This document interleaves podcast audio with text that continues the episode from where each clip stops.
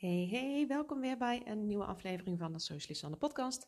Mijn naam is Sanne Rijmakers en in deze podcast wil ik jou inspireren om lekker aan de slag te gaan met Pinterest marketing, eh, goed na te denken over je content marketing en de strategie die je daarbij in wil zetten, maar dan wel op zo'n manier waarvan je denkt, ah oh ja, ik snap hem en ik word er ook nog eens enthousiast van. Want ik hou er niet van als je denkt, oh ik moet al zoveel en ik weet niet waar ik moet beginnen en ik snap er geen zak van. Dat is dus waar ik deze podcast voor heb. Om, uh, om jou daarin te helpen en om het allemaal een beetje makkelijker te maken. Want ik denk dat het soms is al ingewikkeld genoeg en je moet al zoveel. En ik wil het gewoon uh, lekker behappelijk voor je houden. Dus dat is deze, deze podcast. En um, ja, mocht, je, mocht misschien dit de eerste aflevering zijn die, die je luistert. Uh, ik heb het hier met name over Pinterest marketing. En waarom? Nou, omdat Pinterest is een, uh, een kanaal wat. Ja, het wordt toch nog niet door, door heel veel ondernemers echt gezien, ook als een, uh, een marketingkanaal.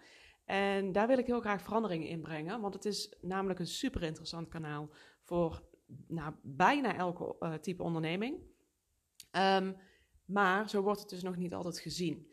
En ik merk wel dat er in één keer sinds begin januari komen er steeds meer aanvragen. We zitten nu op, nu dat ik dit opneem, uh, is het uh, half januari. En de afgelopen twee weken is het echt enorm gegroeid. Dus ik denk wel ergens dat er toch een soort van uh, het licht wordt gezien. Zeg maar van, oh wacht even, Pinterest.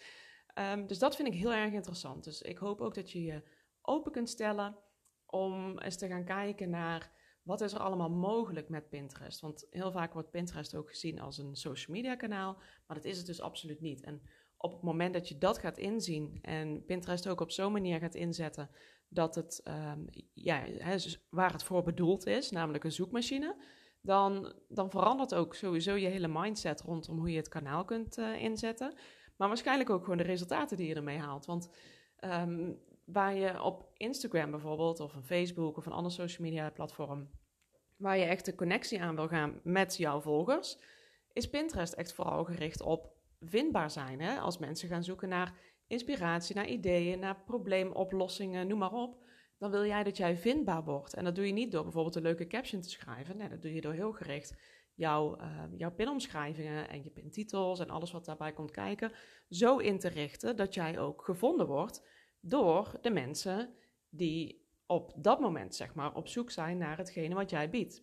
Dus dan kun jij heel gericht ook mensen echt die ook werkelijk interesse hebben in, jou, uh, in jouw product of in jouw dienst, kun je naar jouw website trekken. En op jouw website kun je ze vervolgens omzetten tot, uh, tot leads. Hè? En een lead is uh, bijvoorbeeld een, een nieuwsbrief aanmelding of als iemand een, een weggever downloadt of een gesprek aanvraagt. En een lead is nog niet per se een klant, dus dan begint het echte moment met uh, mensen warm maken en aan je verbinden. Maar Pinterest kan daar dus een hele belangrijke rol in spelen om die mensen überhaupt naar jouw website toe te krijgen. En waar ik wel steeds meer om me heen zie, uh, is ook funnel marketing. Uh, ik werk hier zelf al jaren mee en ik zeg niet dat mijn funnels 100% uh, in orde zijn, want ik ben daar ook elke dag aan het tweaken en aan het zoeken hoe ik het kan optimaliseren. Maar ik ben wel bekend met, met het principe funnel marketing. En het idee is eigenlijk dat je, eventjes heel kort uitgelegd, um, door een bredere groep mensen aan te spreken, of in ieder geval in de breedte zeg maar in te zetten, kun je mensen bekendmaken met jouw merk, met jouw bedrijf. En vanuit daar kun je ze naar jou toe trekken, jouw funnel in als het ware. En daar kun je ze steeds meer specifieker gaan betrekken. En dat kan zijn door ze te inspireren, dat kan zijn door meteen uh, iets te verkopen, een upsell te doen. Nou, het gaat er eigenlijk om dat je in een soort trechter werkt, zo kun je het eigenlijk zien. Maar om die trechter te vullen, heb je natuurlijk wel publiek nodig. En wat ik heel vaak zie is dat wel publiek wordt hè, geadviseerd van nou ga dan adverteren op Facebook of op Instagram. Klopt, zijn hele goede manieren. Maar Pinterest kan je daar ook bij helpen, alleen dan gratis. Dus best wel interessant om eens te overwegen als jij ook wel uh, heel gericht bezig bent met, uh, met funnel marketing. Om ook eens te kijken van oké, hoe kan Pinterest bij, daarbij helpen? Zonder dat ik daar ook maar een euro aan advertentiekosten aan hoef te betalen. Dus dat is een interessante. Maar daar wou ik het vandaag niet per se over hebben. Ik wil het wel met je hebben over Pinterest. En over een heel interessant inzicht wat uh, een van mijn cursisten uh, onlangs kreeg tijdens dat ik een training met haar uh, had. zij is, zij is life coach. Zij richt zich op vrouwen die in een burn-out zitten of uit een burn-out kruipen of daar tegenaan zitten. Om ze weer op de rit te krijgen, zeg maar. En gewoon weer lekker in hun vel te krijgen. En ja, dat ze fijn, gewoon weer een lekker leven hebben, zeg maar. En wij hadden dus tijdens die training, uh, ik gaf op met haar een, uh, een Pinterest training, waarin we dus gaan kijken hoe kan zij als coach Pinterest inzetten om haar bedrijf te laten groeien. En toen hadden we het er dus over van, nou, wat, waar kun je dan over pinnen? Wat zijn interessante onderwerpen? Nou, waar, zij heeft bijvoorbeeld een, een blog en een heel mooi e-book. Waar kan zij dan over schrijven om mensen te inspireren, zodat zij dus via Pinterest naar haar website gaan, waar ze vervolgens dus die, die bezoeker om kan zetten in een lead. En toen hadden we het er dus over van, nou ja, wat zijn dan eh, bijvoorbeeld bepaalde problemen waar iemand tegenaan loopt, of bepaalde uh, mindset worstelingen waar ze tegenaan lopen, of bepaalde wensen. Hè. Het hoeft niet te zijn dat iemand per se zoekt op een probleem, maar het kan ook zijn dat ze bepaalde wensen hebben, waardoor ze, hè, als ze, ja, het ligt ook een beetje aan wat iemand zijn, uh, denkt iemand vanuit een glas half vol of half leeg? Dat is een hele interessante zaak om, eh, om te weten over jouw doelgroep. Uh, om te weten welke, op welke manier zij zoeken, welke woorden zij daarbij gebruiken. En toen kwamen we eigenlijk tot, uh, ja, tot, tot de conclusie, weet ik niet, maar tot, tot het idee van, hey, als je nou eens Pinterest afzet tegen een, bijvoorbeeld een Instagram, wat natuurlijk een, social media platform is, waar je in contact komt met uh, met jouw doelgroep, waar, je, uh, waar het veel openbaarder is eigenlijk wat je doet. Hè. Stel dat jij re reageert. Uh, stel, zij heeft een van haar klanten of een potentiële klant en die reageert op een van haar berichten, dan is het in principe voor iedereen te zien dat jij daarop reageert. En dat bracht mij naar het, even zeg maar heel ver terug in de tijd, toen ik acht jaar geleden zwanger was van mijn eerste kind van onze les.